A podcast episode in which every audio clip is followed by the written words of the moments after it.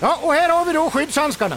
Varför finns det så många modeller att välja mellan? Ja, du vet, Tegera Pro ska ju passa exakt för varje jobb och därför finns det så många olika. Och glöm inte att rätt skyddshandske gör halva jobbet. Okej, då tar jag två. Tegera Pro, skyddshandskar för yrkesproffs. Just nu får du extra hjälp att välja i butik.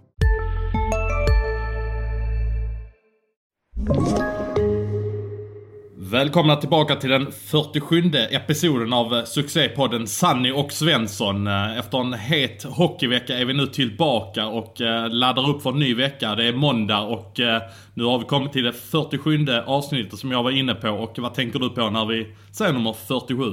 Det är nu man börjar dra upp de här riktigt härliga namnen. En som alltid kommer en plats i vårat hjärta, dig och mig Johan, det är ju Kalle Brattenberger för hans dubbla sessioner i Vimmerby. Hampus Lindholm, kanske den bästa 47an vi har i svensk hockey någonsin. Ville Lajonen spelade jag med i Färjestad nummer 47. Anton Karlsson, 47 i HV71 nu. Alexander Bonsaxen, minns du honom? Jajamän, spelar i Rögle också. Och den tuff, jag tror nog, det här är nog den tuffaste spelaren som någonsin har spelat i SHL och elitseriens historia. Lance Ward. Eh, konkurrerar han med David Lifton också? Eller det, Lifton satte inte sånt stort avtryck i SHL kanske? Nej, jag, jag, tror att Lance Ward var, han var större och tuffare. Eh, jag spelade med Lee Goren, men, och han var tuff. Han var riktigt tuff, men han höll sig undan Lance Ward. Ja, jag fortsätter på de tunga korten här och eh, då vill jag naturligtvis ta upp Vincent Westman från Sandvikens J20-lag. Vi är ju uppe på 47 här nu där det är, ja, då kommer de stora tunga pjäserna. André Schultz hade ju nummer 47 när han spelade en halv säsong i Mjölby. André är ju kanske mest känd för att han fick sparken i Tyringe när eh, han valde att åka till Paris och kolla på fotboll med Malmö FF istället. En annan krigare är Johan Enekvist från eh, den berömda krigarkedjan i Leksand där Jesper uh, Ullas och uh, vad var det, Hägglund, Johan Hägglund, Hägglund var med i den. Yes. Uh, så hade vi Kevin Lindskog, målvakt i Björklöven och Rögle. Vi har en spelare som jag skrev om för inte allt för länge sedan här nu. Adam Johnson, nummer 47 i Pittsburgh, ska spela i SHL här inom kort. Henrik Malmström, Västervik och Södertälje. Eh, Johan Adolfsson, och sen avslutar jag med eh, Adam Henning, Valbys stabila tvåvägsback. Eh, har hört mycket gott om honom så han var ju tvungen att eh, plockas upp här.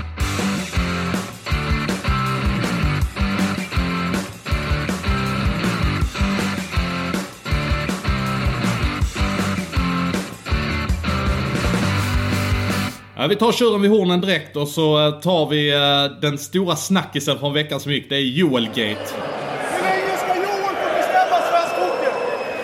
Joel? Lundqvist. Vem best Joel bestämmer ingen svensk hockey. Gör inte? Nej. Gör inte? Nej. Visa det då! Ja. Och eh, för de som eventuellt inte har hängt med, jag tror att alla som lyssnar på detta faktiskt eh, vet vad vi pratar om. Men jag tar det lite snabbt. Joel Lundqvist han eh, puttade en linjedomare, eller domare som jag kallade för i förra veckan. Jag, jag, jag, håller mig till skånskan, det heter dummare. Rickard Nilsson, linjeman, han fick ju en liten putt av eh, Joel Lundqvist som det inte blev någonting åt i matchen. Och det är ju ganska allmänt känt att dummare är heliga. De får man ju inte röra fysiskt på något sätt. Men eh, här valde ju Micke Sjöqvist, tror jag det var, som eh, valde att ta ganska... Han markerar ganska tydligt för Joel att det där inte var okej. Okay när man ser reprisen från Simon-sändningen. Och eh, sedan blir det ingenting i efterhand. Det blir inget matchstraff, det blir ingenting. Och då var det ju rätt många som ändå började väsnas Sen brakade helvetet löst. Det kan man ju säga. Eh, jag var ju en av dem som, eh, som skrev lite raljant där på fredag förmiddagen när ehm, när det inte visar sig bli någon anmälan. Jag blev jätteförvånad att det inte blev det. Om vi nu håller oss till det här att domarna ska vara heliga. Eh, och ehm, senare valde de ju då att anmäla det i efterhand och ja, nu säger jag ordet. Idag är det frikort för att använda ordet. Det blir ju en process. Ja, det blev eh, det. Det blev det. Det, det, var, det var faktiskt det. ja. Eh, det blev en process och ehm, Ja, det var lite löjets skimmer över det hela kan man ju lugnt konstatera. Och kan du berätta hur du ser på det så kan vi ta det därifrån. Jag ser som så, det är regel nummer 40, den är glasklar i regelboken. Den är svart eller vit, det finns ingen gråzon. Du rör inte en domare. Rör en domare så är det matchstraff. Eh, och i det här fallet så också eh, skulle det vara såklart en anmälan till disciplinnämnden. Eh, för det, det, är inget beslut som behöver tas. Du behöver inte ta hänsyn till huruvida någon vände upp ryggen eller han vrider på huvudet och därför träffar han huvudet. Du rör inte en domare. Det står tydligt i regel 40 i regelboken. Och jag tänker inte dra allt vad som står där. Vill du, vill du veta exakt vad som står där så är det bara att googla det. Jag ska bara dra det lite snabbt då. Det spelar ingen roll på vilket sätt händelsen går till. Det är aldrig tillåtet att röra en domare. Nej, och det är ganska tydligt. Och då, eh, som, eh, om domarna då inte tar det beslutet eh, under en match, att de eh, inte uppfattar det, fine. Men det skulle ha varit matchstraff, fine. Eh, men efteråt så måste man se situationen. Om de inte tycker det, då måste en domarbas, i det här fallet eh, Torsbrink, Thomas Torsbrink, kliva in och säga nej, nej, nej, det här handlar om eh, domarnas integritet, arbetsmiljö och eh, skydd helt enkelt. Det här tänker inte vi acceptera på våra domare. Jag skickar in en anmälan. Och då hade saken varit löst. Sen därifrån, när, när, när det, den saken väl är löst, så tycker jag fem matcher i, det, det, det är ju faktiskt, det, det, är ju orimligt. Och det grundar du på vad då? Men alltså, han, nummer ett nu, jag skrev lite om det här i, i fredags. Och för första gången fick jag den här innebandysvansen på min sida, som vanligtvis brukar vara på andra sida, som, som så fort man skriver något negativt eller folk säger något negativt om hockey, domare eller någonting så kommer den här innebandysvansen som säger att hockeyn är död, det är innebandy hit och dit. Den fick jag med mig på fredag, vilket var, det hör inte till vanligheterna. Med det sagt så tycker jag att den ska anmälas, som jag, som jag var inne på. Men fem matcher, det, det står inte i proportion till det han, den lilla, lilla dutten han gjorde. Alltså men, två men, matcher. Men, vänta, du, du snackar om den lilla dutten. Han har ju ändå trots allt satt upp handen i ryggen på domaren. Och då ja, har alltså, ju fysiskt... Nej men vänta nu. Innan, innan Säg han... åt inte åt mig att vänta Svensson. jo, nu, nu, nu ska du vänta för du får ordet eh, allt för ofta. Nu är det jag som ska ha ordet. eh, han sätter faktiskt upp handen i ryggen på domaren. Och redan när handen är i ryggen på domaren så är han ju fysiskt på domaren. Korrekt. Ja. Och, och, och, när han gör det, och när han då ska rycka tag i Emil Johansson, då använder han ju domaren som någon form av hävstång. Det kan vi ju vara ganska överens om, eller hur? Korrekt. Ja. Och när han då har gjort, tagit armen i ryggen på domaren, då har han ju tagit en risk eftersom han riskerar att välta omkull domaren när han använder det som en hävstång. Och då, då, då är det ju hans ansvar för vad han gör med sin vänstra Korrekt. Korrekt. Ja. Och var är vi, är vi inte överens då? Jo, vi är ju helt överens. Ja, ja, och det, det förvånar mig, men uh, vad du... Vad det, nej, men alltså fem matcher därifrån. Nu, nu har jag pratat med, med olika domare och olika instanser och allting. Och domarna, många domare känner själv att nej, det här, det är klart att väg, vägens gång skulle ha blivit anmält direkt med domaren man har pratat om. Men många säger ju, fan, fem matcher, det, det känns inte bra i magen. Det, det, det, det håller jag med om. Det håller jag med om. Ja, men att, precis. Om, om jag sa att det skulle vara två matcher. Då tyckte du, då skulle du börja avbryta mig och säga... Nej, men jag, jag, kan, jag kan köpa att det inte ska vara fem plus två. För det fick ju Sam Löfqvist i uh, våras var det var, när Linköping, när han gjorde det mot en linjedomare nere i Malmö. Uh, och, och den är annorlunda. Ju, den, är, den tycker jag är mycket grövre. Det, det, håller jag med om. Det håller jag med om. Men du var ju... Jag tyckte mig läsa i texten att du till och med kunde hålla dig till bara ett matchstraff.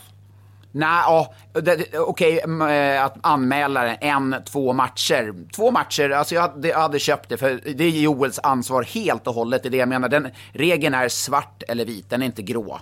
Eh, Nej, men om, om den nu är svart eller vit, om man då har bestämt sig för rör du en domare så är det 5 plus 2. Då har man ju satt den, det, är ju det du har satt i svensk hockey då, att 5 plus 2 är det som är grundstraffet eh, när du eh, gör fysiskt ja, men det, det finns en domare. Det finns ju olika grader i helvetet. Alltså det är dubbelhand puttning så han ramlar och slår bakhuvudet i. Ska det ge 5 plus 2?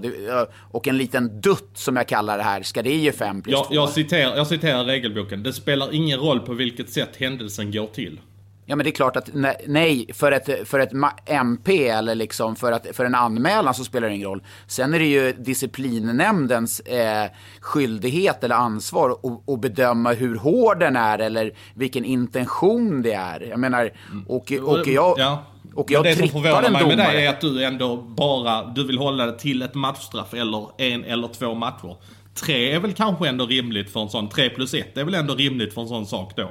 Ja, det, är- alltså, absolut. Eh, En, två eller tre. Alltså, jag, jag är inte så här att jag, jag säger att det ska vara si eller så, men fem matcher tycker jag är alldeles för hårt. Det är alltså fem plus böter på cirka 24 000. Det är, För den grejen, liksom, nej, jag, det, Mm. Eh, det, det, det, känns inget jag. bra. Det köper jag att det, är hårt om vi sätter det i proportion till uh, Sam Löfqvist. Men då kanske disciplinen men väljer att se det på samma sätt som regelboken. Att det spelar ingen roll på vilket sätt händelsen går till. Nej, men det, då, gör de, inte- då gör de inte tillräckligt bra jobb. Eh, då, behöver inte, alltså, då behöver inte den instansen i det här fallet. Då vet vi ju, ja då är det anmält 5 plus 2. Så, så funkar det ju inte. Det är ju det är en bedömningssak som, som alla andra en- enligt mitt tycke, eller mitt, mitt tycke, enligt min åsikt. Eh, och det så var- det- uppfattar inte jag det när de, eh, när de delar ut straffet. För de, då tar de ju ingen hänsyn till, om de nu jämför olika situationer, så tar de ju verkligen ingen hänsyn till, om nu Joel ska få 5 plus 2 och de bedömer det lika som Sam uh, Löfqvist, så tycker inte jag de tar hänsyn till det överhuvudtaget. Nej, nej det gör de inte. Och sen ska man också säga att eh, Joel får ju ta helt och hållet ansvar. Folk, folk som inte ville läsa den texten jag skrev tro, trodde ju att jag, att jag tyckte att ja, men då är det okej våld mot domare. Det är klart som fan det är Nej, inte okej nej, våld nej, mot nej, nej, nej. domare. Det, det fattar väl alla. Det, och, och sen kan man ju... Sen kan man ju, vad är våld? Är det här våld? Ja, i det här fallet räknas det som det eftersom man inte får röra en domare. Men om vi går till hur handlingen var, eller processen då, var i det här fallet. Eh, så är det ju jättekonstigt tycker jag. För det är inte jättelänge sen som eh, Marcus Högström och Dennis Everberg hade en situation på Hovet som hade en Nej. liknande process eh, dagen efter. Där det King, inte blev... vad hette det? Vad hade de? Nej, jag säger inte det mer nu. Nej, nu, nu har jag frikort idag. Men, eh, men där var det faktiskt liknande som hände och det blev ett jäkla väsen dagen efter. Och eh, då valde de då att bryta upp det ännu senare på dagen faktiskt till och med. Eh, jag trodde ju någonstans att de hade lärt sig av den händelsen som var då att, eh, att det blir väldigt mycket löjets skimmer över det hela.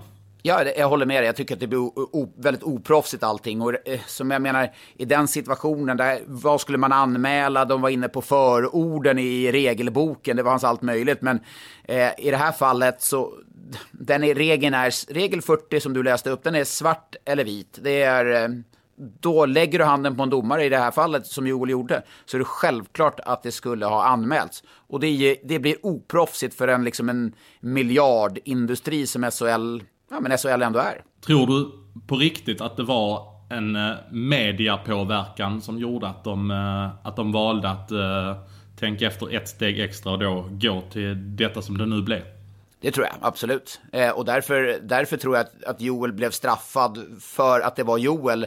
Hade det varit, vem ska vi säga, mm, Karl Henriksson eller eh, Jag tror inte det, jag, det hade nog inte blivit lika livat ute i de sociala medierna om det var Karl Henriksson. Det kan vi ju vara överens om. Nej, nej precis. Det, det, det, det tror jag inte det hade blivit. Och sen kan du vända på dig, vända på, på resonemanget. Om det hade varit Brandon Shinnimin som hade gjort det i fjol, hade han blivit anmäld direkt. Det är ju, den, jag, jag köper ju den jämförelse som, som går att ställa till, till eh, mot slutsats, om man säger så, till den slutsatsen jag gör med Karl Henriksson. Men det jag ändå har hört är att det är inte bara media som har påverkat. Jag har ju hört ändå klubbledare ut... Domare har påverkat också. Ja, det är andra domare som har påverkat.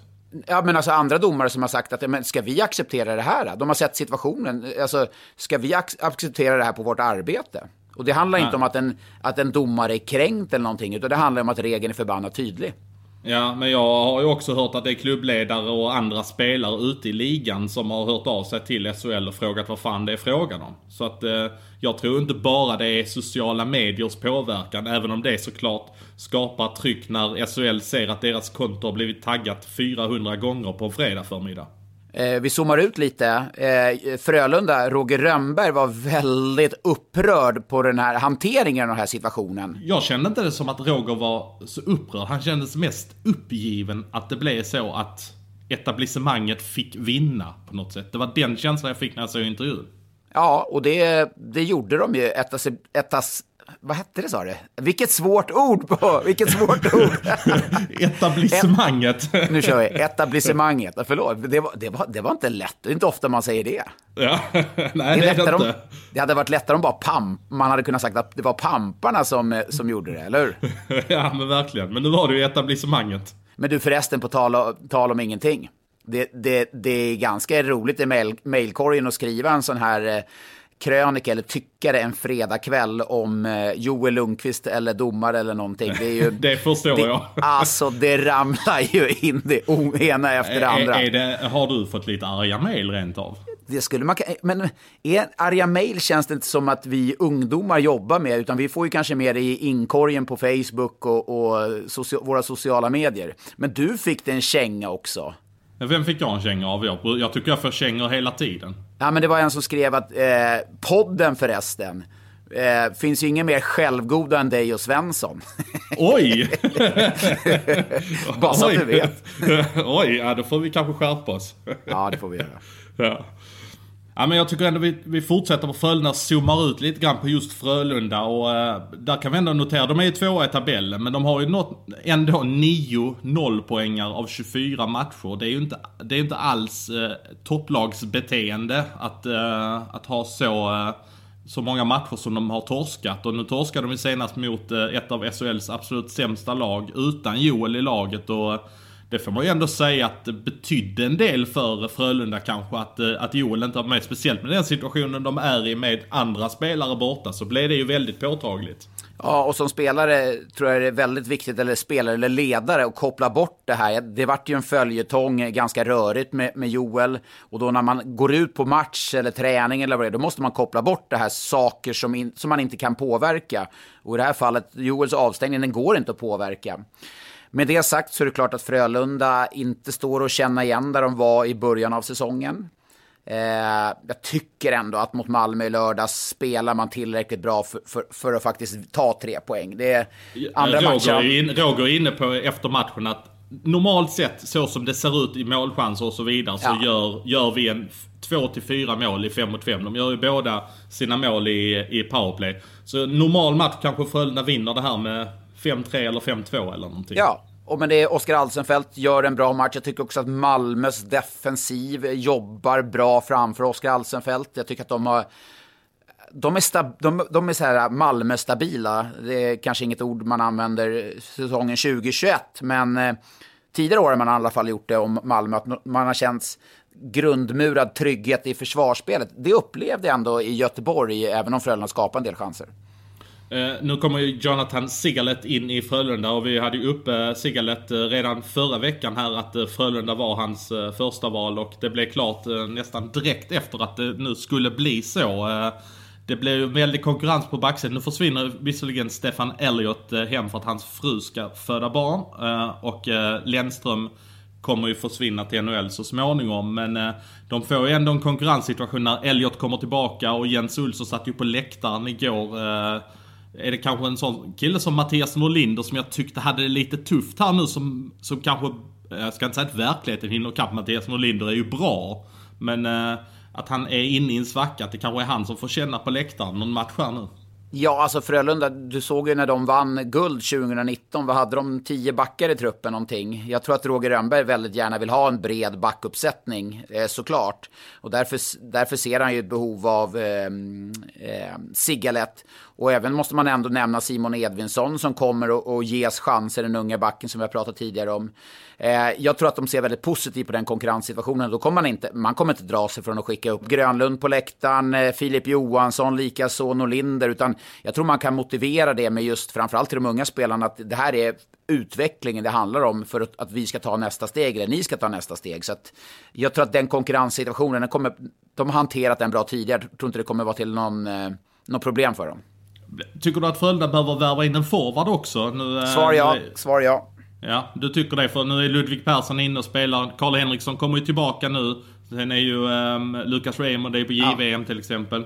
Ja, men jag, jag, jag, tycker ändå det att eh, de måste få in, få in någon, mm, kanske lite någon mer, någon, någon mer spets. Jag tycker ju att när, när det kuggar i väldigt bra i inledningen av säsongen, då, då kändes det ju väldigt bra. Men det är många, många unga spelare. Där får jag också, måste jag ändå nämna Ludvig Persson som jag tycker har gjort det bra, född 03.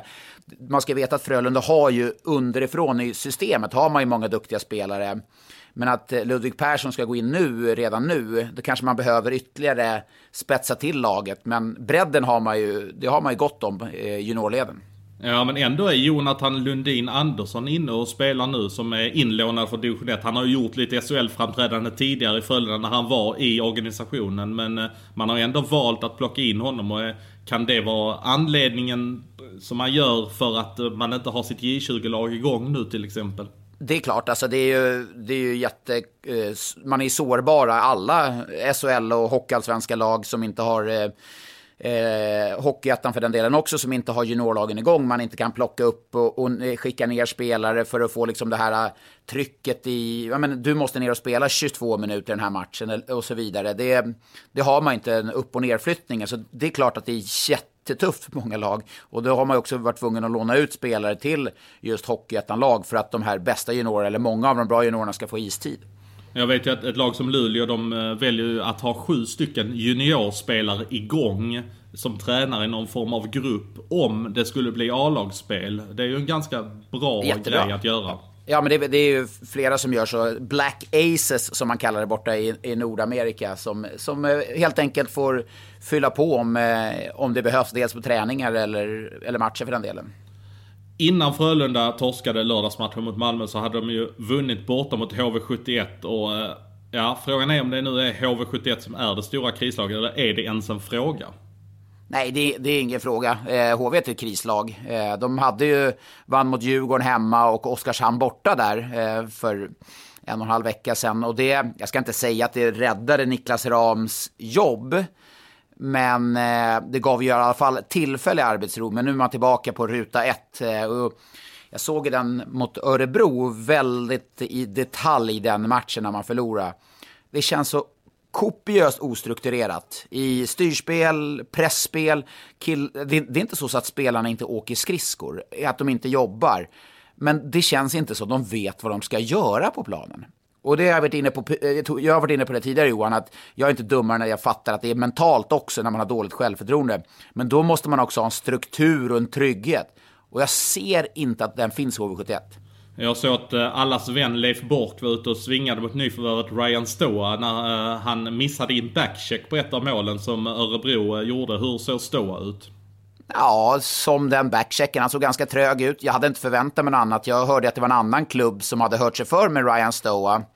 Eh, och det var inte prislappen som avskräckte den föreningen eller den klubben, utan det var det faktum att han sa att han har knappt varit på is någonting. Eh, och i HV71 då som plockar in Stoa, jag tror att Ryan Stoa kommer bli jättebra om 10-15 matcher. Men jag är inte säker på att han kommer vara så jäkla bra fram till de 10-15 matcherna. Och HV71 per idag behöver den prestationen eh, liksom här och nu. Men att hitta en spelare som man... Då måste man, då måste man ta en spelare som har varit igång under säsongen och då kanske man får en spelare som håller lite lägre klass.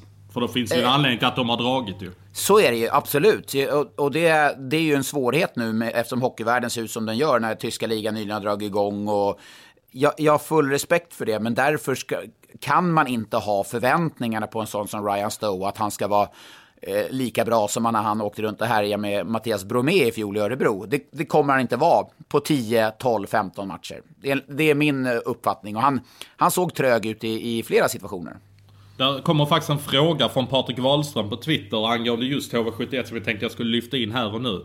Det är dags för eh, er att börja syna de högre delarna av HV71. Agne Bengtsson, klubbdirektör, Johan Hult, sportchef med flera. Jag ska säga att jag har inte jättegod koll på vad Agne Bengtsson sysslar med utan det är väl mer Johan Hult och det jobbet han utför i det sportsliga som jag anser mig ha lite bättre koll på i alla fall. Och det vi kan konstatera när det gäller Johan Hult är att han har han eh, var med sportchef och när laget tog guld 2017 men sedan har det ju i ärlighetens namn inte varit speciellt framgångsrikt när det gäller HV71.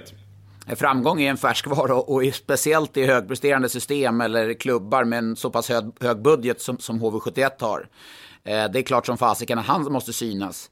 Sen går det inte att frångå att det är ju en liten sån här Jönköpingsmaffia säger jag med lite, vad ska jag, ja, halv ironiskt, halvt på allvar. Jag menar Ram, Huld, Davidsson, det är ju, det är ju tre goda vänner. Ska man då, om lek med tanken att man ska plocka bort ram, då är det ju Hult som ska göra det. Då måste ju HV71 är ju större än en kompisrelation, förstår du vad jag menar? Mm, mm. Men är det, om, alltså det känns ju som att det där problemet finns ju ändå i en del klubbar. Ja, det är mycket möjligt. Så, kan det, så har det definitivt säker, säkerligen varit tidigare, eller andra klubbar också. Men det gör ju att kanske styrelsen, om det nu är ett sådant beslut som måste tas, lek med tanken, Lillis-podden här, vi pratar om Lillis varje, varje, Stefan Lillislund varje gång, men lek med tanken att föreningen tycker att vi måste stötta upp eh, Niklas Ram. Vi måste ta in Stefan Lilleslund för att det är, läget är så akut. Då måste man göra det för föreningens bästa. Det betyder att man i stort sett kommer alla fall knyta upp eh, skosnörena på Niklas Ram och ställa sig på dem när han går iväg. Så är det ju. Han, han, han har redan äh, knäppt upp två skärt, äh, eh, knappar på sin äh, skjorta. Han hade en riktig greköppning på sin skjorta häromdagen. Såg du det? Ja, jag såg det. Jag såg det i intervjun där med, med Simor efter faktiskt. Det var, det var avslappnat, lite så här KOS 97-varning.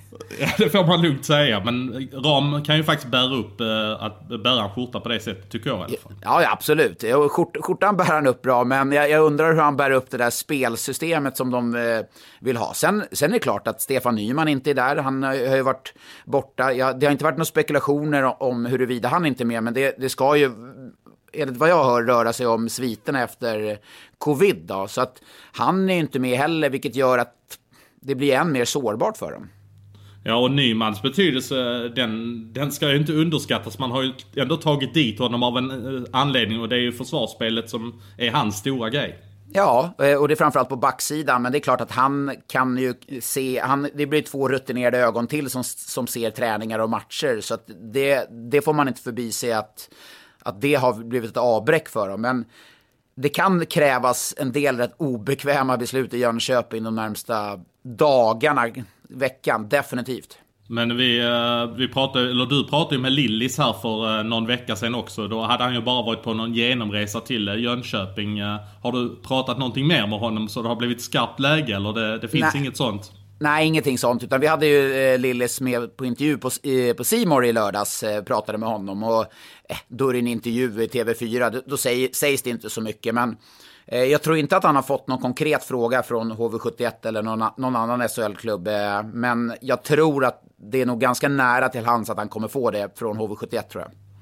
Eh, Elias Andersson kommer ju också att eh, försvinna iväg bort till eh, LA snart. Han ska installera sig där det påverkar ju naturligtvis också jättemycket. Det var ju han som avgjorde när de eh, vann mot Oskarshamn borta till exempel. Ja, nej men alltså att, att han sticker det är ju framförallt tråkigt tror jag för Lias själv. Jag, han hade bara behövt lite lugn och ro i sin tillvaro och få vara ja, men få vara i HV71 på ett och samma ställe i ett, två eller tre år och liksom landa i sin hockeykarriär. Jag, jag tror han hade mått bra av det som människa och få lite lugn i sin tillvaro. Där tror jag inte det känns speciellt bra för någon att han ska åka över till eh, Los Angeles Kings. Men det kan ju faktiskt bli så att han kommer tillbaka till HV om eh, LA tycker att det är det lämpliga. Och det kan ju bli så att man har en dialog på plats där borta i USA och eh, kommer fram till det ändå. Ja, men det går ju inte förbi sig oavsett vad så tror jag att HV kommer att behöva värva för att HV ligger där i botten och för varje förlust så blir det mer och mer kris. Och det är klart att, ja, det är ju på ett sätt kris i Oskarshamn också, men att de förlorar och hamnar på en kvalplats, det är liksom inte så här, äh, vi är förberedda på det. Men skulle HV71 hamna i ett sånt skarpt läge, då, då kan det, jag förstår Johan, det, det, kan gå, du vet vad jag pratar, du kan åka ut, du kan äventyra, jag menar en hel fin organisation nästan, en, en klubb. Du kan åka, alltså det vore ju ett gigantiskt misslyckande utan historiskt... Men du tror, du tror inte att de kan ändå förhålla sig till att Malmö och Brynäs är räddningsplanka i det läget? Nej men titta nu, jag menar eh, Brynäs har varit coronaavstängda och under den perioden har Malmö vunnit två matcher. Eh, Brynäs har matcher i hand men de måste ju vinna de matcherna för att ta ikapp. Men det är ju ingen garanti att, jag menar Malmö, skulle de sprätta till och vinna några matcher till så då är HV ännu mer indragen i skiten. Och de ska ju faktiskt mötas här direkt i veckan också så att det blir ett ganska intressant möte.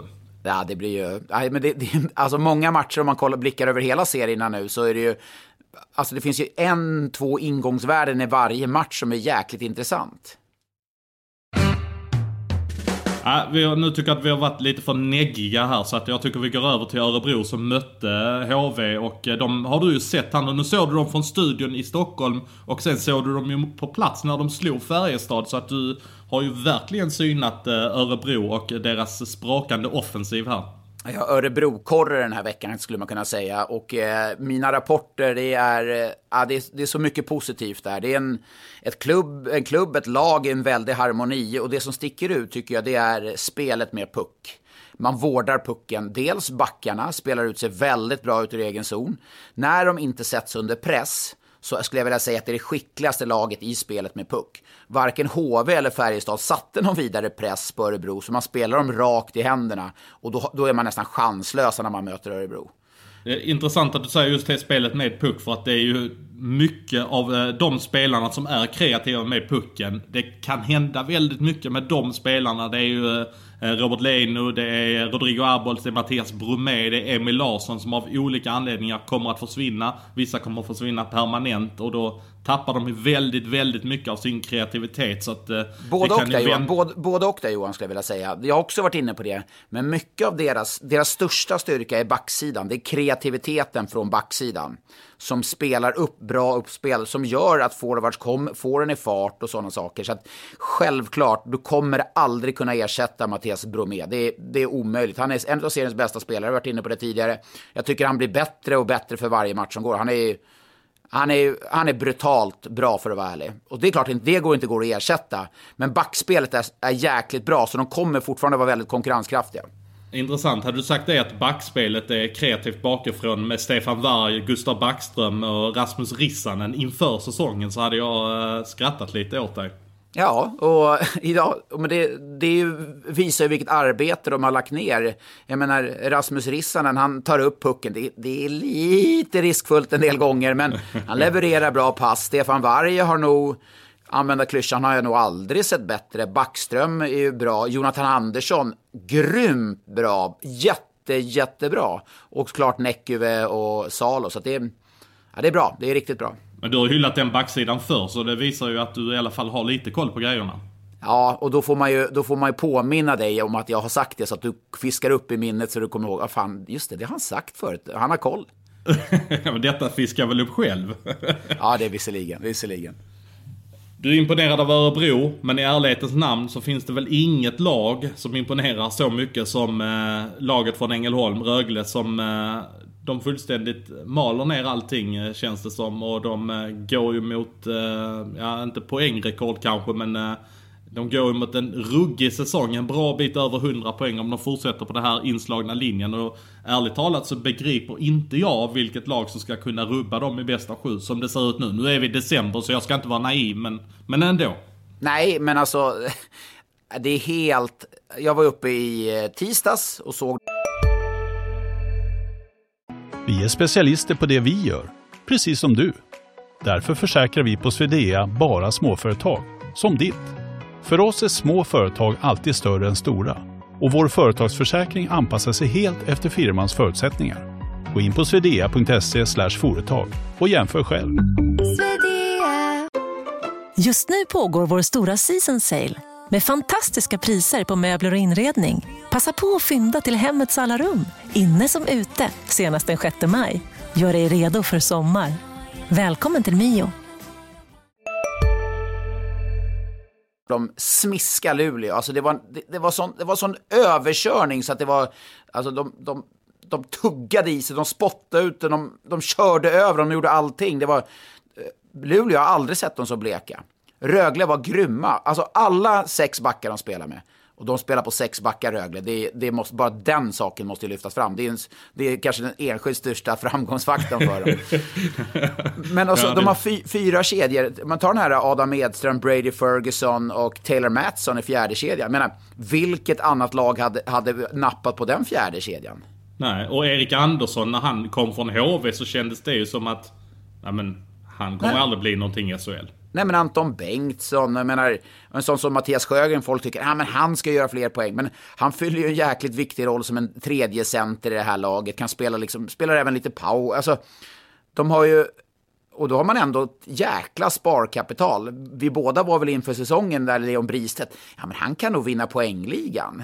Det finns ju ett, alltså ett galet sparkapital i honom. Han har inte levt upp till eh, till det riktigt ännu, även innan corona eh, eh, sjuk, eh, sjukdomsläget och att han har missat några matcher här på slutet. Ja, de har ju onekligen kapital och sen har de ju en riktig gubben i låda. Alltså jag undrar, hur många highlights-mål har han gjort nu, Nils Höglander, egentligen? Ja, det, men det är ju, det är ju galet ju. Han är, han är ju så otroligt sevärd. Dessvärre då för Rögle så kommer han åka över till campen med Vancouver.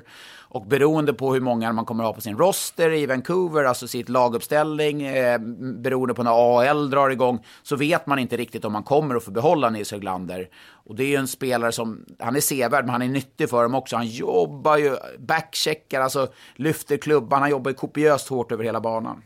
Men det är väl ingen i Rögle som inte jobbar hårt? Nej, nej, det är ju visserligen sant och det är ju det är någonstans den anden som vilar över dem. Men sen har de ju en kreativitet i laget som också så primeras på något sätt. Att man gör, man får göra de grejerna, eller alla lag får väl göra. Det är väl inget lag som säger att du inte får dribbla eller du får inte göra skickliga grejer. Men det är, liksom... väl en sån, eh, Lukas Ekestad Jonsson är väl ett lysande exempel på en spelare som får lov att göra saker i Rögle. Han, han tillåts att göra det han är bra på med kanske att det blir något misstag på vägen så att säga. Ja, och då har han fått spela det spelet han kanske inte gjorde i Färjestad i fjol eh, och gör det väldigt bra. Men ska jag säga den backen som jag tycker har varit bäst i Rögle?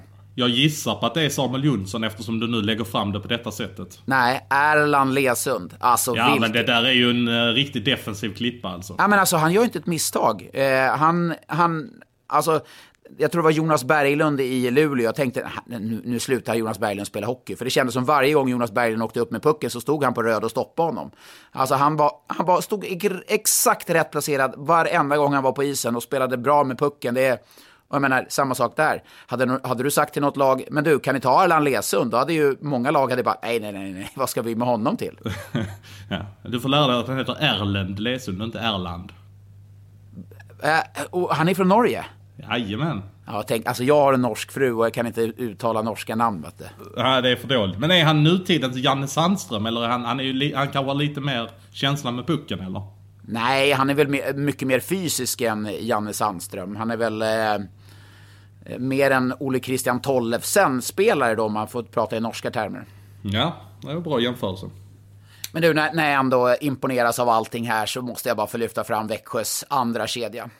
Andrew Calof, vilken succévärvning. Eh, kom absolut ingen från ingenstans, men han hade ju inte spelat någonting den här säsongen. Och vi pratade om det tidigare.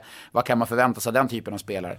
Han men då, då in... får du ett värde i att han har varit i föreningen tidigare, haft den tränaren och så vidare. Definitivt. Och med Jack Drury och Emil Pettersson. Seriens hetaste kedja och eh, vilket gör att Växjö har ju två jäkligt offensivt duktiga kedjor. Så har du Karlström, Holmberg, Marcus Sylvegård som avslutade säsongen så starkt i fjol. Det är liksom Växjö, den, ser du det här fingret? Ja, jag vet ser det. Vet du vad det betyder? Att du höjer ett varningens finger. Helt rätt. När vi skickar ut frågan vad, vad ni vill att vi ska prata om, vad ni vill att vi ska diskutera och vad ni frågar om så är det väldigt mycket kring värvningar och ekonomiskt ansvarstagande och så vidare. Eh, och eh, då är det självklart att vi ska prata om det också. Andreas eh, Karlsson lyfter bland annat upp att Malmö nu har plockat in fem spelare på tre och en halv månad och funderar kring det. Det är ju ändå rätt anmärkningsvärt många spelare för ett lag som hade, har en VD och sportchef som var väldigt mån om att ta ansvar för eh, ekonomin eh, i samband med att han ville att eh, man skulle stänga neråt för inte jättelänge sen så eh, kör man på rätt friskt nu. Så att eh, det, det värvas på rätt friskt. Brynäs kommer ju inom kort att eh, presentera Shane Harper som sin spelare. Eh, vilket vi kunde avslöja i fredags. Och sen har vi även skrivit om att eh, Adam Johnson från Pittsburgh kommer att förstärka Malmö Redhawks då som eh, sedan tidigare, vi får väl rabbla dem. Det är väl Patrik Hersley, det är Jan Mikael Järvinen som har plockats in. Det är Joe Velino och så kommer det ju komma någon ytterligare förstärkning till laget. Jag ska ge en cliffhanger och jag återkommer lite, jag har lite namn där. Ooh, spännande. Ja, men vad säger du eh, om det som händer nu när Brynäs och Malmö? Det är ingen slump att det är de. Oskarshamn har fått loss en miljon kronor att eh, värva för. Eller ett miljonbelopp tyckte jag läste i barometern i Oskarshamn att de eh, hade fått loss att värva för. Och då hör jag att Thomas Fröberg är ute efter en center helst. Eller någon forward som, eh, som kan göra skillnad. Ja, alltså vad jag säger om det här. Eh, det är ju två ben vi står på fortsatt. Eh, det är ju huruvida klubbar som till exempel Brynäs som har varit väldigt tydliga med hur mycket man kommer att gå i förlust och att spelarna och hela föreningen har fått gå ner i lön. Då är det såklart, eh, om man nu värvar Shane Harper så förstår jag föreningen. De måste göra någonting, de måste få till en förändring med tanke på att man ligger i det prekära läget man gör.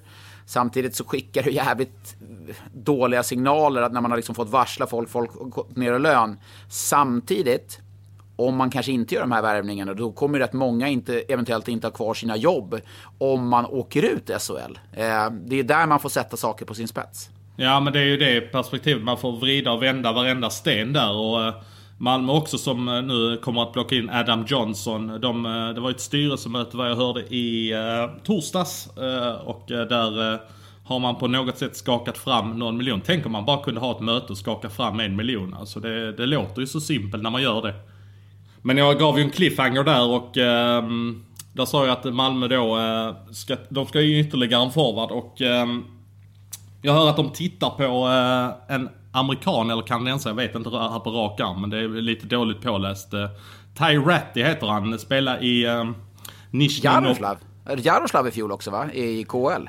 Kan han nog ha varit. Eh, han eh, producerade ganska bra i KHL förra säsongen. Och så tittar de även på en eh, Södertälje-bekant, Robert Sabolic. Nu är det ju, vad är det, tio år sedan nästan han var där och spelade i Hockeyallsvenskan. Och sen har han ju varit i tyska ligan och KHL. Ja, det är de två namnen jag har hört att man har bollat med då, förutom Adam Johnson då som är klar för klubben och kommer att presenteras. Så att de tittar ju på offensiv kraft i laget. Nu vet jag inte hur bra Sabolic är nu för tiden. Han har ju någon toppsäsong i KL, men det är ju definitivt inte förra säsongen. Men det blir ju den här typen av spelare som man får värva. Alltså, eh, de sitter utan jobb av en anledning. Sabolic var i Ambre Piotta i schweiziska ligan i fjol utan att göra någon vidare avtryck. Däremot eh, Tyratti, det är ju, vad söker Malmö? De, de ska väl ha en avslutare? Alltså en... en ja men det en... känns så, det känns så. De har ju egentligen bara Pontus Westerholm som jag skulle säga är en jättebra avslutare. Nej, men då, då är i så fall en, eh, en spelare som Ty Ratty är ju en renodlad avslutare. Jag vet att han spelade med Staffan Kronvall i, i Jaroslav i fjol och när jag hörde med Staffan Kronvall om honom så sa han att det var en, en bra avslutare, framförallt då i PP, men kanske behöver en spelskicklig spelare med sig. Inte speciellt kvicka ben, snabba fötter, lite trög i starten. Det är väl sånt som kanske skulle oroa lite eh, när man just pratar SHL och det tempot som är här. Men då skulle man ju kunna sätta upp, om det nu blir Ratty där som eh, värvas in, så skulle man ju kunna sätta upp eh, Johnson med Velino och eh, Ratty då. Så det blir en renodlad importkedja då som kan försöka göra lite skillnad. Så får man ju hoppas på att det blir en Rivik Camper Cehlárik kemi mellan dem. Även om det kanske är lite väl mycket att hoppas för Malmös del. Men du ser vart han, vart han vill leder. Eh, då sitter HV71 i det här läget, Brynäs, kanske Linköping och säger oj, titta Malmö nere i Skåne, nu, nu lastar de på de här spelarna, oj, oj, oj. Då, då, då är vi inne i den här köphetsen. Ja, det blir ändå... ju en dominoeffekt av allting ju. Ja, och det blir ju det. Och det är, det är ju jäkligt lätt för oss att sitta med pekpinnen vid sidan om och säga nej, nej, nej, gör inte si, gör inte så. Men när, när risken för att åka ut är så pass stor så så förstår jag klubbar som är jäkligt oroliga. Återkopplar vi då till det du var inne på, vad är vi nu, en 5, 6, 7 veckor tillbaka. Att, eh, att det blir svårt att kontrollera det med just det här med ekonomi, eh, ekonomiska ansvaret att ta. Att man inte tävlar på samma sportsliga grunder. Då kommer någon börja göra det och någon blir rädd och någon blir nervös hit och dit. Ja, och det är ju, det är ju, så kommer det bli. Och det var ju det jag var inne på för, för ett gäng veckor sedan. Att man, man ska egentligen stänga SHL för nedflyttning, men har uppflyttning under ett två eller tre års period för, att, för att liksom lugna ner det här. För att oavsett vad vi säger eller tycker och tänker, det det är klart att Luleå, nu när Petter Emanuelsson blir skadad, de kanske inte kommer att ersätta honom för att de vet att ja, vi kommer inte åka ut. Eller Färjestad kanske inte känner den här stressen att ersätta Gustav Rydahl för att nej, vi kommer inte åka ut. Då har man ju en annan ingångsvärde i det. Men Brynäs, HV, Linköping, Malmö, alltså Oskarshamn kanske också, du vet. Det är, rätt, det är en del lag där nere som, som är jäkligt stressade.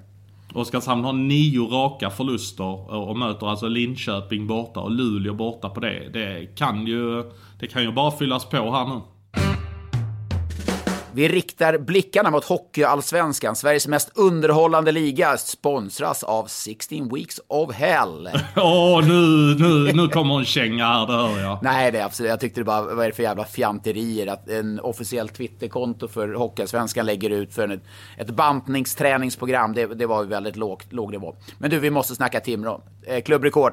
Nej, men jag tycker att när vi pratar Hockeyallsvenskan så tycker jag att vi borde prata en helt annan sak än Timrå. För att Timrå, det känns, eh, det känns normalläge att de vinner hockeymatcher nu. Vi kan prata lite mer om Timrå sen, men en sak jag upprörts av eh, i veckan, eller inte upprörts, jag blir bara lite trött ska jag säga. Eh, Vita Hästen har ju valt att att stoppa ett gäng entusiastiska supportrar i grunden som gör ett förbannat bra jobb. Jag har kollat mycket på deras videoklipp, de är ganska gedigna sådär och åker till Uppsala, pratar med tränaren, gör ett efter matchen snack. Alltså jag menar, varför skulle jag vara intresserad av att, av att Tony Sabel säger efter Antuna Vita Hästen? Men jag sitter lik förbannat där och lyssnar på vad han säger efter matchen. Tack vare att det är ett gäng supportrar som åker dit och gör jobbet, ställer lite kritiska frågor, pratar lite om matchen. Och nu stängs alltså de supportrarna ute med sin sida. De har, de har en podcast, de har en blogg. Och gör ett jäkla bra jobb. De har ett driv, de älskar sin klubb. Nu stängs de ute av Vita Hästen. För att de anses konkurrera med Vita Hästens nystartade Play-kanal. Där de känner att de ska ha in intäkter. Och hör nu, Vita Hästen har 55 följare på den Play-kanalen som betalar 79 kronor i månaden.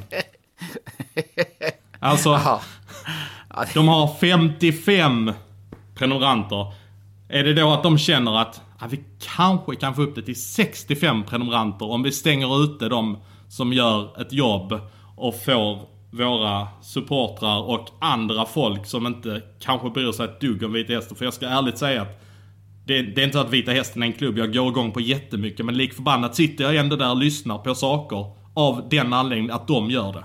Nej, men alltså publicitet, eh, negativ publicitet i det här, det ska, man, det ska man inte underskatta. Jag såg ju själv hur det tog fart där på sociala medier och vi vet ju vad sociala medier kan göra. Host, host, Joel Lundqvist. Eh, men, eh, alltså framgång föder framgång. Ju mer saker det skrivs eller sägs om Vita Hästen, ju mer blir intresserad. Om det här eh, liksom supportergänget som är väldigt initierade vill, vill göra det här så tycker jag föreningen, det är väl helt jävla idiotiskt att stoppa det. Ursäkta min svenska, det är ju Nej, nej, men alltså det är ju, det, alltså det, det, jag håller med. Alltså jag kunde inte sagt det bättre själv. Jag blir bara less när att man inte lär sig och jag har varit inne på den här, jag har fått en inloggning till den här sidan där de står och gör sin intervju. Att man, att man tar 79 kronor i månaden för det där, det är ju... Nej men alltså Vita Hästen har väl inte heller resurser kanske i form av kostnader och kanske ha någon medieansvarig som, som de har i SHL-lagen som proffsigt på, på alla dess sätt med kanaler och, och HV, TV och allt vad det nu är. Det, det har ju inte hocka, många hockeyallsvenska klubbar råd med.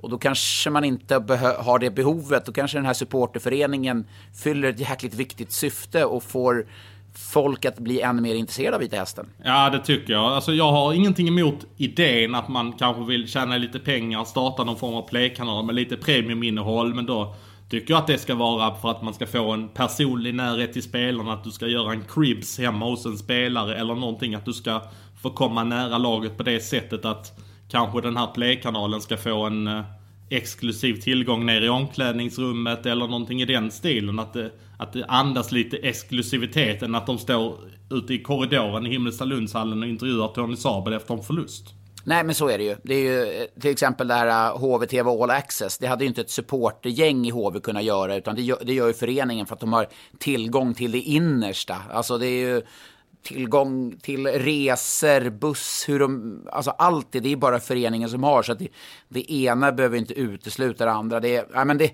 det känns väldigt mycket hockeyallsvenskan. Det, det är så jävla mycket som är oproffsigt där. Det är, alltså, ledning, allting. Det känns lån hit och dit. 16 weeks of hell, det är liksom... Det känns ja, det... väldigt förhastat. Man bara, det känns som man inte tänker efter ett steg extra vad vad, händer efter vi har gjort det här så att Nej, säga? men jag, fan, min polare, han är, har ju kört 16 weeks of hell. Men jag känner ju han som kör det. Men låt dem sponsra oss då.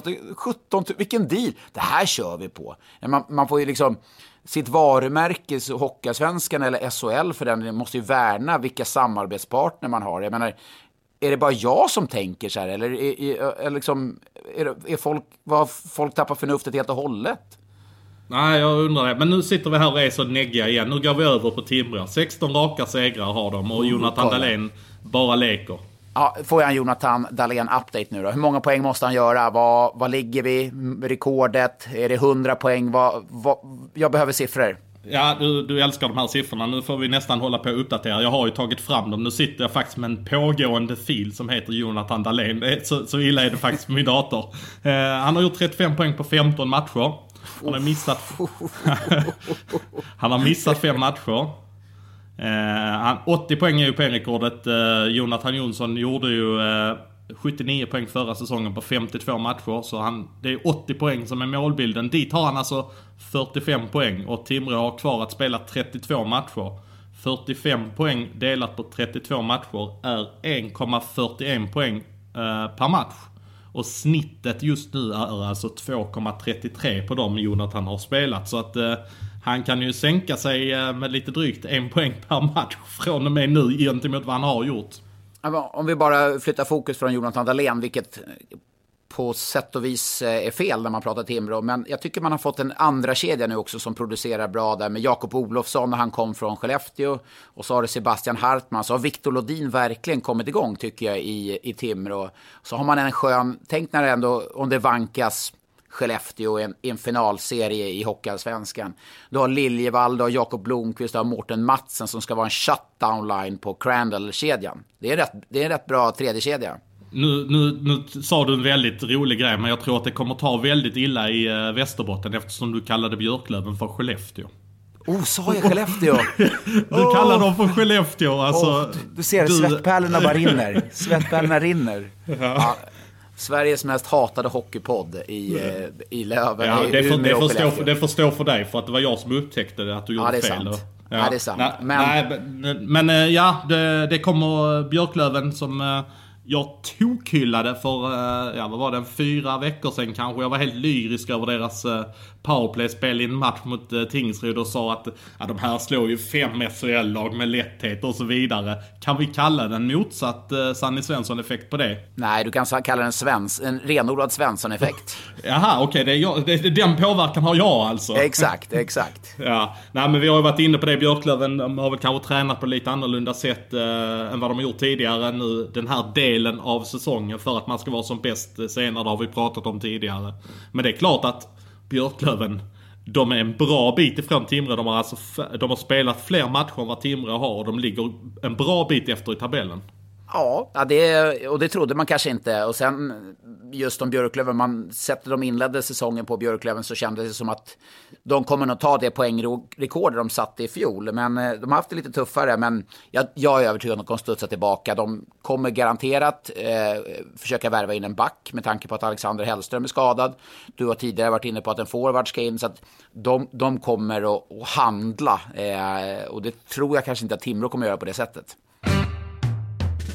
Ja men jag tycker vi går in på uh, frågorna. Vi har inte pratat någonting om JVM. Jag har sett att både i vår mailkorg och överlag kring JVM så är det rätt mycket som uh, engageras runt den här bubblan de har levt nu i Sundsvall. Och vi, kan väl, vi tar väl en fråga som rör JVM så kan vi väl få låta dig uh, gå loss kring tankar och allting. Vi börjar med vad tycker du om petningen av Helge Grans till JVM? Skulle han vara en av de backarna som, som petas? Jag tycker definitivt det. Eh, Helge är en, som jag ser det, en av sex backar i det laget. Eh, det som också är, det finns ju en osäkerhet kring Viktor Söderström. Man vet inte riktigt hans status eh, med tanke på att han haft lite skador under säsongen. Och då är ju Helge ett perfekt komplement eller som en högerskjutande back, rightskytt, som, kommer kunna, som skulle kunna spela powerplay. sen är jag av åsikten att man ska ta ut de bästa spelarna. det är ju åtta backar, sju backar, men jag tycker i det fallet så det är de sju bästa. De sju bästa klarar att spela med varandra och jag tycker att Helge är de sju bästa. Så det förvånade mig. Men den här bubblan uppe i Sundsvall, det är, det är ett skämt förresten. Eh, och vad grundar du nu det på då? Men den, är ju, den var ju bra, bubblan. Men eh, nu har ju laget flygit över. De flög eh, med JVM-truppen flög till Finland. Och på det planet så skulle man ju då hämta upp Ryssland och Finland för att åka över tillsammans. Det planet var för litet, de skulle ha packning där eh, på eh, flyget, vilket spelarna motsatte sig för då skulle man sitta för tight och så vidare, det lilla, lilla planet. Då fick man då vara kvar på terminalen och då har jag fått då har ju spelarna, vissa spelare gått runt i den terminalen och det är ingen som haft någon koll på det. Det finns till och med spelare som gick och köpte snacks då i, no, i någon liten kiosk där. Då faller väl hela jävla konceptet med bubbla. Ja, ja, ja, visst gör det det. Är Men det så, blir det så inte det lite ju... godtyckligt att man säger nej men William Eklund, du får inte vara med. Det var en dag för mycket corona eller det var en dag för sent. Ja, du får inte vara med. Montén, du får inte vara med. Nej, Daniel Alfredsson, du kan inte vara för du har inte gjort det i Kanada. Och så, jag menar, det, nu känns det som, jag menar med smittan som, som det läget är nu. Om, om någon spelare flöjtar runt där och, och i någon terminal och någon inte haft koll på det och inte haft några strikta order där.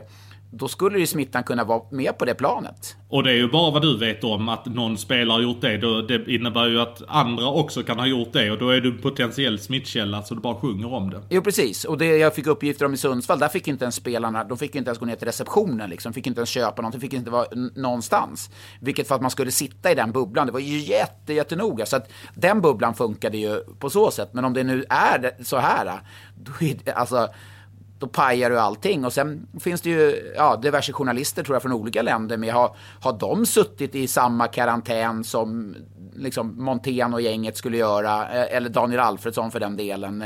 Nu säger jag inte att, att de är en smittorisk, men det blir ganska godtyckligt i det här fallet. Förstår du vad jag menar? Ja, ja men det, det, det känns ju så. Det kän, känns det som att man verkligen kan ha en 100% bubbla då? Nej, ja, det funkade, det funkade när man hade det i NHL med, med alla reg- rigorösa. Men det är såklart när du ska flyga i det här fallet, flyga över med Finland och Ryssland. Eh, och det är väl bara att hoppas att, att Ryssland och Finland har haft den noggranna bubblan som Sverige har haft i, eh, i eh, Sundsvall. För jag har inte läst, nu kan du rätta mig gärna om jag är fel Svensson, men jag har inte läst jättemycket ryska ledare och spelare som har blivit corona, eh, stoppade på grund av coronasjukdom. Och jag förstår inte varför inte de skulle ha samma typ av smitta till exempel som Sverige. Nej, Sverige är väl lite mer eh, utbredd än till exempel Finland känns det som. Ja, och Ryssland vet vi inte så mycket vad de har för, för kurvor och sådana saker. Det, det, det vet jag. Men jag, jag bara tycker att det, det är så mycket annat med, det här, med den här coronan. Det blir liksom så godtyckligt allting och det ska utåt sett ska det se jätte, jättebra ut. Eh, det kommer ju också mycket frågor om det här JVM borde spelas. Eh, finner vi någon glädje? Vi pratade om det förra veckan när, eh, när William Eklund inte kunde vara med och Karl Henriksson inte kunde vara med. Och det var innan vi visste det här med Thomas Pontén. Att han inte skulle vara med och eh, målvaktstränaren Nisse Landén missar. Och sen var det väl William Wallinder som försvann också. Så att det Ja, var och ju en del Adam, också... Adam Greve och så var det också en ledare till där, Lundberg som, som Ja, kom Anders in. Lundberg, ja exakt. Så att jag menar, alltså det är klart. Ja, det är jättesvårt. Eh, Jag hoppas bara att, att, att det kommer gå bra. Att det blir, alltså så att det inte blir att matcher, det går inte att ställa in matcher i ett JVM liksom. Det, det hade varit jävligt tråkigt. Joel Rönnmark ska vara eh, förbundskapten här nu. Det är ju en, eh, vad är det, andra eller eh, första? Ah, det är väl, han har varit två år tidigare eller ett år tidigare som assisterande eller? Ja, no någonting sånt. Och det är, det är också jättesvårt och speciellt nu när Henrik Strid inför JVM redan då eh, sa att han inte skulle vara med. Det var väl du som pratade med honom uppe i, i Luleå. Han hade annars varit naturligt val att, att fylla på där som har haft så många år bakom Montén. Eh, Jakob Prick undrar här eh, varför inte Marek, Marek Rivik spelar. Ja, det kan man ju fråga sig men eh, vi kan väl nöja oss så här att det, det råder patientsäkerhet i det här landet så eh, då eh, nöjer vi oss helt enkelt med det svaret på den frågan. Erik Göthberg undrar. Hur långt in i matchen är det bäst att plocka målvakten vid uddamålsunderläge? Känns som det är tidigare nu än vad det var för 10 år sedan. Många klubbar gör det mycket tidigare. Eh, jag vet att Hockeylabbet under förra säsongen hade en, någon uträkning på det här. Men var det typ 6 minuter eller någonting i den stilen? Ja, det var någonting sånt där, vilket var, det är ingen som gör det. Men jag vet att Sam Hallam gjorde det i något, något slutspel, om det var 2017 eller något liknande, med väldigt bra eh, resultat. Han kunde nypa målvakten tre minuter tidigare, vilket då var väldigt tidigt. Sen är jag inne på, det är helt beroende på hur matchen ser ut. Eh, är det så att du inte har skapat någonting på, på hela tredje perioden, då, då är det bara att nypa målvakten när det är fyra, fem minuter kvar. Men är det så att du ligger och pumpar på, pumpar på, du bara är så nära ett mål, då kan det ju hålla lite. Jag reflekterade faktiskt över detta när eh, jag var i Göteborg och kollade på Frölunda-Malmö. Att Frölunda inte lyfte keepern. De fick ett powerplay med tre minuter kvar, uddamålsunderläge. Då tänkte jag, okej men då kanske låter det gå en minut i powerplay och sen spela 6 mot 4 en minut och sen 6 mot 5 i en minut. Men där valde eh, Roger att, um, att låta hela powerplayet gå och sen plocka en keeper. Det var väl kanske 5 sekunder kvar Helt på rätt. powerplayet. Helt rätt. Är, är, det helt rätt? Kan du förklara varför det är så då? för att 6 mot 4 blir inte så jätte, jättestor fördel kanske som 5 mot 3 är. Eh, eh, blir för mycket folk eller? Ja, lite så. Så är det liksom inte så strukturerat. Alltså det, du slänger in en extra kille på mål. Det gör, in, det gör inte så jättemycket den sjätte spelaren. Det som blir nackdelen är ju att försvarande lag kan skicka ut pucken utan att riskera icing och gå för att göra mål om du förstår vad jag menar. Så jag har liksom aldrig gillat det riktigt. Powerplay är så pass bra läge. Du kan ju ha ett powerplay som är 20-25 procentigt, vilket är en rätt bra chans att göra mål. Och då blir 5 mot 4 kontra 6 mot 4 inte så stor skillnad. Om jag vänder på frågan ytterligare då. Eh, det är en minut kvar och du får ett powerplay uddamåls. Eh, ska du inte plocka keepern då heller? Nej, det är det korta svaret på det, att eh, du ska inte göra det. Det är bättre att spela 5 mot 4 även då, så att säga. Nej, alltså det, det beror helt på hur det ser ut. Alltså är det så lite tid kvar, då, då kan man nypa den. Men då är jag hellre att man kanske med, med 30 sekunder kvar, om man forcerar, tar ta ut en till. Men nej, inte direkt på tekning, så det, det är för stor risk, känner jag i alla fall. En fråga från Emil Nilsson här. Vad kostar en spelare som Shane Harper?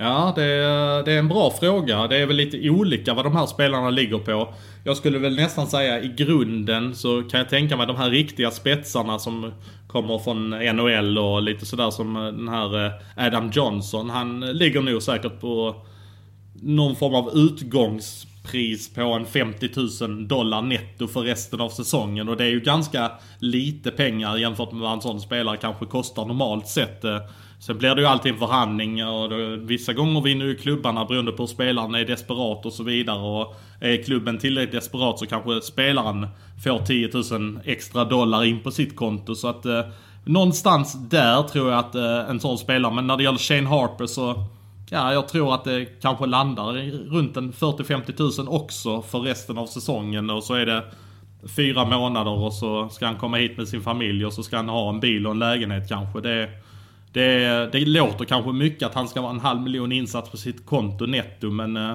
det, det är säkert där det landar. Jag vet att Djurgården hade en helt annan deal med Ret Rakhshani. De, eh, de kör 50 000 brutto i, eh, i månaden gånger 12 men nu ska han bara vara där i 6 månader så där blir det ju en 100 000 i månaden brutto på en helt vanlig lön med vanlig skatt och så vidare. Så där kostar det ju Djurgården 600 000 gånger 1,32 så det kostar Djurgården nästan en miljon kronor att ha hit Rakhshani.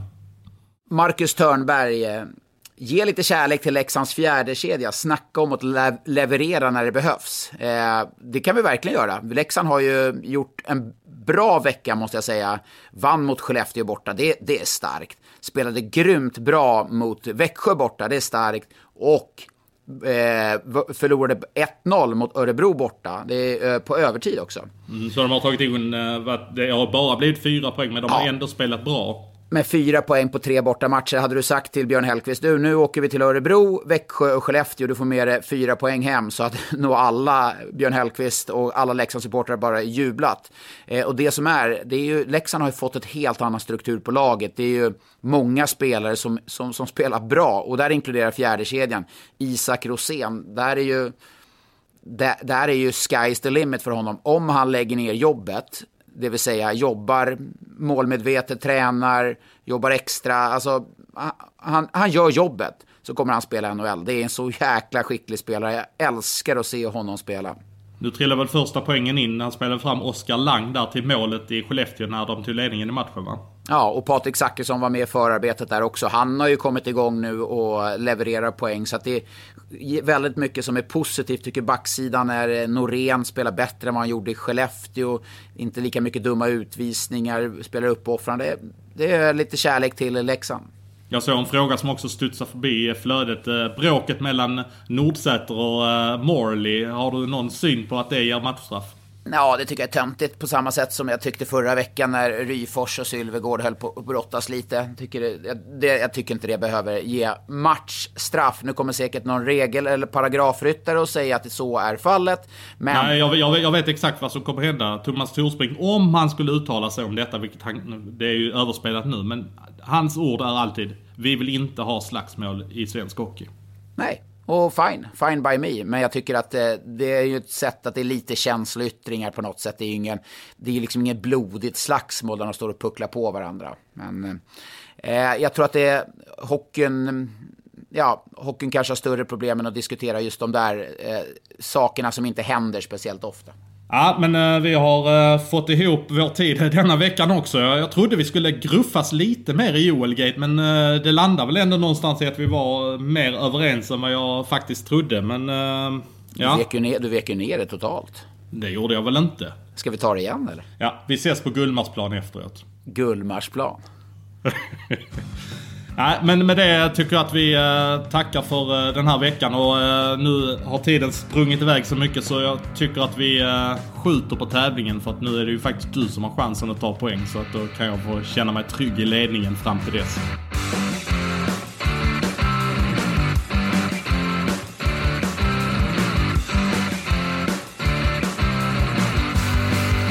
Du har lyssnat på en podcast från Expressen. Ansvarig utgivare är Klas Granström. Hej, Synoptik här.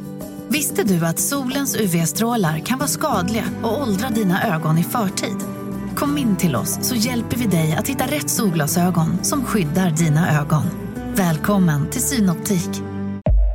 Upptäck hyllade XPeng G9 och P7 hos Bilia.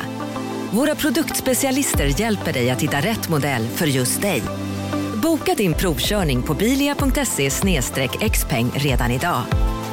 Välkommen till Bilia, din specialist på X-peng.